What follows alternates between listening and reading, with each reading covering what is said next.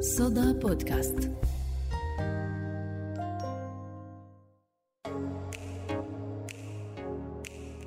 مرحبا أنا رهف بأول حلقة من سلسلة حلقات بودكاست فلتر اللي رح نحكي فيه كيف نقدر نفلتر المعلومات اللي بتوصلنا ونكون أوعى بتعاملنا معها قبل ما نشاركها أو ناخد موقف منها. كمان رح نسمع قصص وآراء كتيرة ونتعرف سوا على أبعاد التضليل الإعلامي.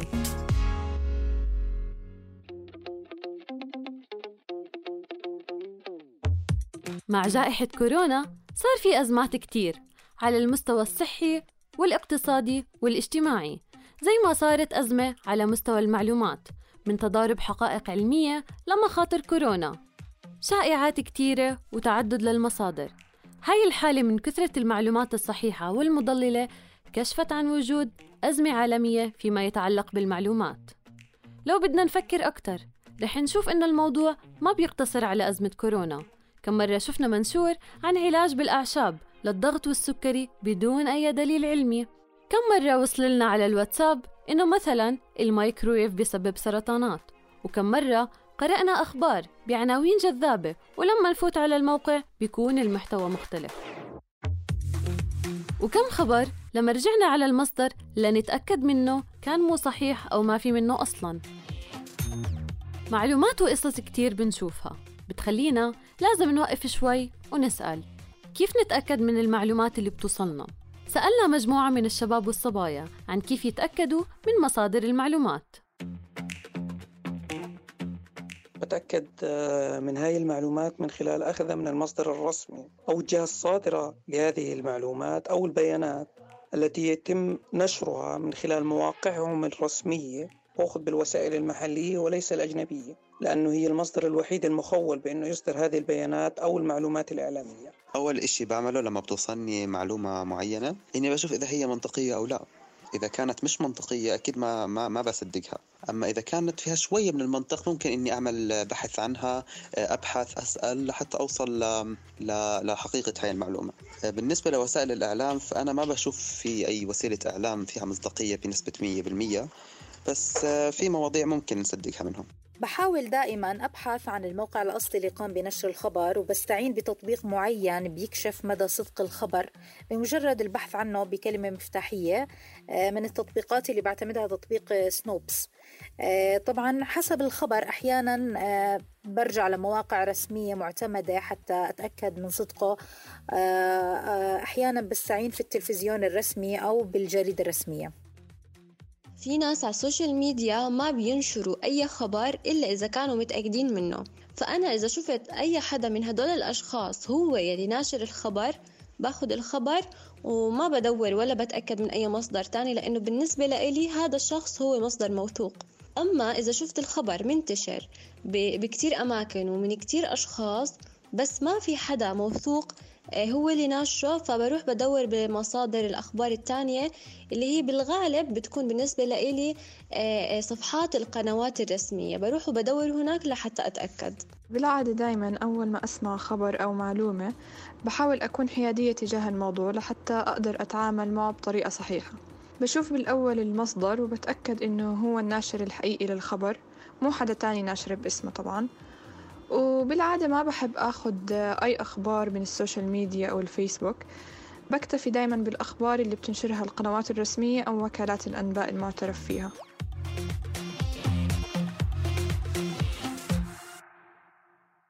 هذا كان رأي الناس بس خلينا نعرف كمية المعلومات اللي بتوصلنا في اليوم المضلل والصحيح منها مع الزميل عمر العجلوني. مرحبا أنا عمر. تخيلوا في حوالي 5 مليار شخص في العالم بيستخدموا الإنترنت يعني حوالي 62% من سكان العالم بحسب موقع World Statistics وفي 53% من سكان العالم هم مستخدمين نشيطين لمواقع التواصل الاجتماعي. و99% منهم بيستخدم هواتفهم عشان يقدروا يتواصلوا مع هذا العالم. وعندنا بالأردن بحسب دراسة لمركز الدراسات الاستراتيجية الأردني أن 71% من الأردنيين بيستخدموا الإنترنت و83% منهم بيستخدم وسائل التواصل الاجتماعي بشكل يومي. وكمان 61% من الأردنيين بيحصلوا على الأخبار من وسائل الإعلام. وللأسف 38% منهم ما بتأكدوا من الأخبار اللي بتوصلهم. هاي الأرقام كلها تعني مقدار هائل من المعلومات اللي بيتم تناقلها وهاي المعلومات أشكال ألوان. إشي بوصلك على group أصدقاء المدرسة وصورة على group العيلة وخبر على الفيسبوك عشان تحس إنه المعلومات موجودة في كل مكان. وهون لازم نسأل حالنا سؤال كيف بنقدر نتأكد من المعلومات اللي بتوصلنا عشان ما نكون ضحية للتضليل الإعلامي؟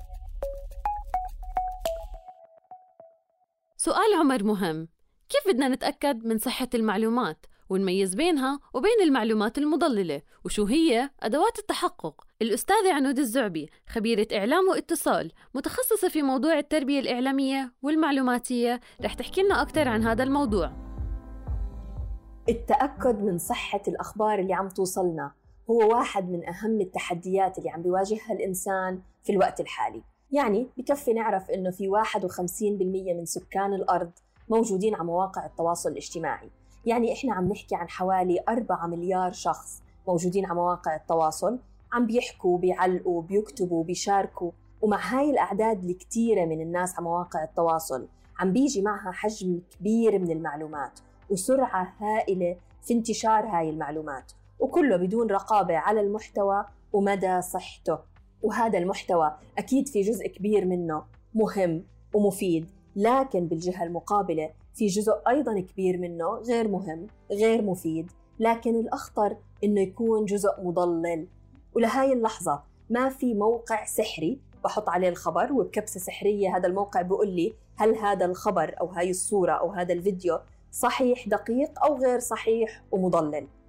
وعشان هيك يبقى العقل هو الأساس العقل اللي لما يشك بيعمل مجموعة من العمليات العقلية التحليلية المقارنات البحث ربط المعلومات مع بعض قبل ما يقيم الخبر ويقول العقل ياخذ قرار إنه هل هذا الخبر دقيق صحيح أو هذا الخبر مشكوك فيه وقد يكون مضلل.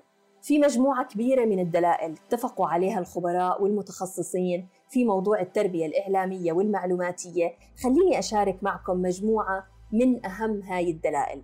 الدليل الأول اللي لازم يخلينا نشك ونحفز عقلنا إنه يعمل العمليات العقلية التحليلية قبل ما يصدق الخبر.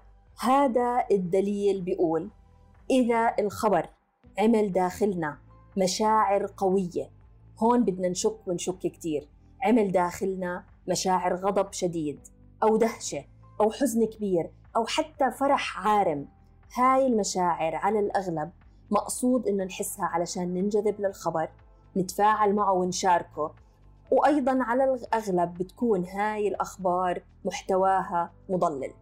الدليل الثاني اللي لازم يخلينا نشك إنه يكون داخل الخبر مجموعة من الجمل اللي فيها مبالغات تعميمات مثل علاج شافي تماما أو أسهل وأسرع طريقة إلى أو زي مثلا عبارات اشترك مجانا لمدة 30 عام. كلها هاي مبالغات لازم تخلينا نشك.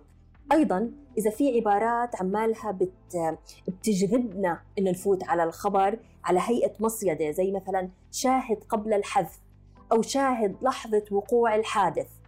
كلها عبارات ضروري تخلينا نشك.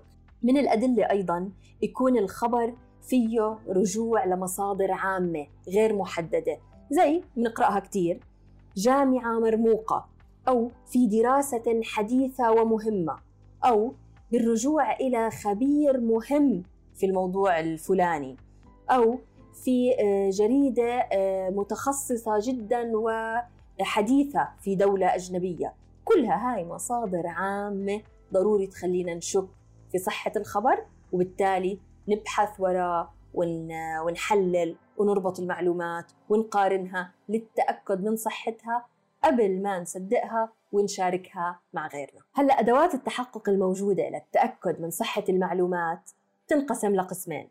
القسم الأول هي عبارة عن عمليات منطق وتحليل بشري ضروري كل شخص منا يجريها لما يواجه أي خبر أو معلومة أو صورة أو فيديو شاكين فيه. وهاي العمليات التحليلية النقدية ما في غنى عنها لأنها هي خط الدفاع الأول اللي بيحمينا من التضليل. القسم الثاني من أدوات التحقق هو قسم تحقق تقني يعني بيعتمد على مجموعة من الأدوات التقنية والمواقع الإلكترونية اللي بتساعدنا علشان نتحقق من دقة الأخبار وصحتها.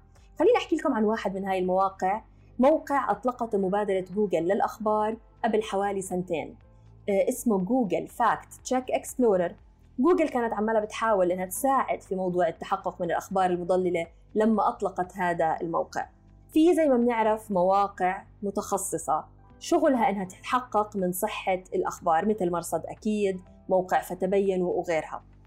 هذا الموقع اللي عم بحكي لكم عنه هلأ اللي هو Google Fact Check Explorer هو محرك بحث. لما نحط عليه الخبر اللي شاكين فيه وبدنا نتأكد هل هذا الخبر صح أو لا بيطلع لنا إذا المواقع المتخصصة من التحقق درسته وشو النتائج اللي طلعت معهم. يعني هذا واحد من مواقع كثيرة مفيدة وبتوفر وقت وجهد في موضوع التحقق من صحة الأخبار والمعلومات.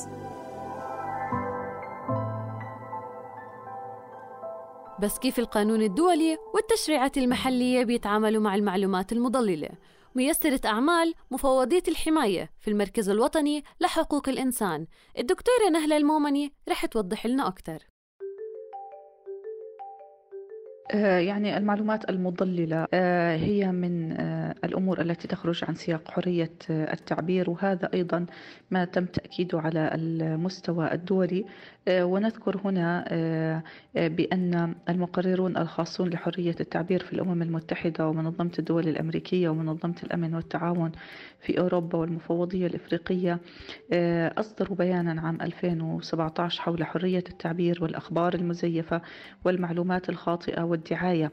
آه، والحقيقة أنه آه، كان هناك تأكيد آه، على أنه التضليل والتشويش يؤثر على حق الجمهور في المعرفة وفي التماس المعلومات والأفكار بمختلف أنواعها. على الصعيد الوطني والمحلي وخاصة في ظل جائحة كورونا كان هناك الحقيقة يعني العديد من الشائعات وفي في هذه الحالة هناك أمر الدفاع رقم 8 لسنة 2020 والصادر بمقتضى أحكام قانون الدفاع رقم 13 لسنة 92 حقيقة في البند ثانيا على 2 جرم نشر أو إعادة نشر أو تداول أي أخبار حول الوباء من شأنها ترويع الناس أو إثارة الهلع بينهم عبر وسائل الإعلام أو الاتصال أو وسائل التواصل آه، الاجتماعي. والحقيقة أنه آه، أيضا مكتب المفوض السامي في الأمم المتحدة أكد آه، على ضرورة محاربة التضليل الإعلامي والتضليل المعلوماتي أيضا الذي يؤدي في الكثير من الأحيان آه، خاصة ما يتم على وسائل التواصل الاجتماعي من الإخلال آه، بحق الأفراد في آه، في الصحة ويؤثر في الاستجابة الفاعلة لوباء كورونا. في ظل أزمة كورونا وكمية المعلومات الموجودة، مين الجهات المعنية بتنظيم المعلومات والإعلانات المتعلقة بالجانب العلمي؟ جميع الدعايات والمعلومات المضللة المتعلقة بالأدوية آه، الغير صحيحة والتي لا تستند إلى أي أسس علمية آه، الحقيقة أنها تخالف العديد من التشريعات الأردنية سواء خاصة آه، ما يتعلق بقانون المؤسسة العامة للغذاء والدواء والذي أوجب أخذ الموافقات والتصاريح الطبية اللازمة والموافقات اللازمة لاعتماد أي دواء من أجل التداول. آه، وأيضا قد يقع الشخص تحت طائلة المسؤولية الجزائية في قانون العقوبات وقانون المسؤولية الطبية في حال حدث عن مثل هذه الأدوية. أي آه، مضاعفات آه، صحية في هذا الإطار. ويعني أفعال مثل هذه أو هذا التضليل الذي يتم إذا ما شاركت فيه أيضا وسائل إعلام أو بأي وسيلة وسائل إعلام أو وسائل صحفية أو في السوشيال ميديا أو في المواقع الإلكترونية الإخبارية إذا ما قامت بنشر هذه الدعايات بدون الحصول على التأكد من الحصول على الموافقات اللازمة من وزارة الصحة والجهات المعنية فإنها أيضا تكون تحت طائلة المسؤولية وفق قانون الإعلام المرئي والمسموع. وأيضا لا ننسى في هذا الإطار أن تعليمات الدعاية التجارية أوجبت على وسائل الإعلام أن تراعي في الدعايات أن لا تؤدي إلى الخلط أو التضليل. وأيضا التأكد فيما يتعلق بالأدوية والعلاجات الطبية بأنها حصلت على الموافقات اللازمة من الجهات ذات العلاقة مهم جدا. ننتبه للمعلومات اللي بتوصلنا. نتحقق ونتأكد من مصادرها ونفلترها. قبل ما نصدقها ونشاركها. وبنهاية هاي الحلقة شكرا لفريق العمل من بودكاست فلتر. عمر العجلوني. ريم الحكواتي راية عبد الرحمن رائد الريموني وكنت معكم أنا رهف خليل.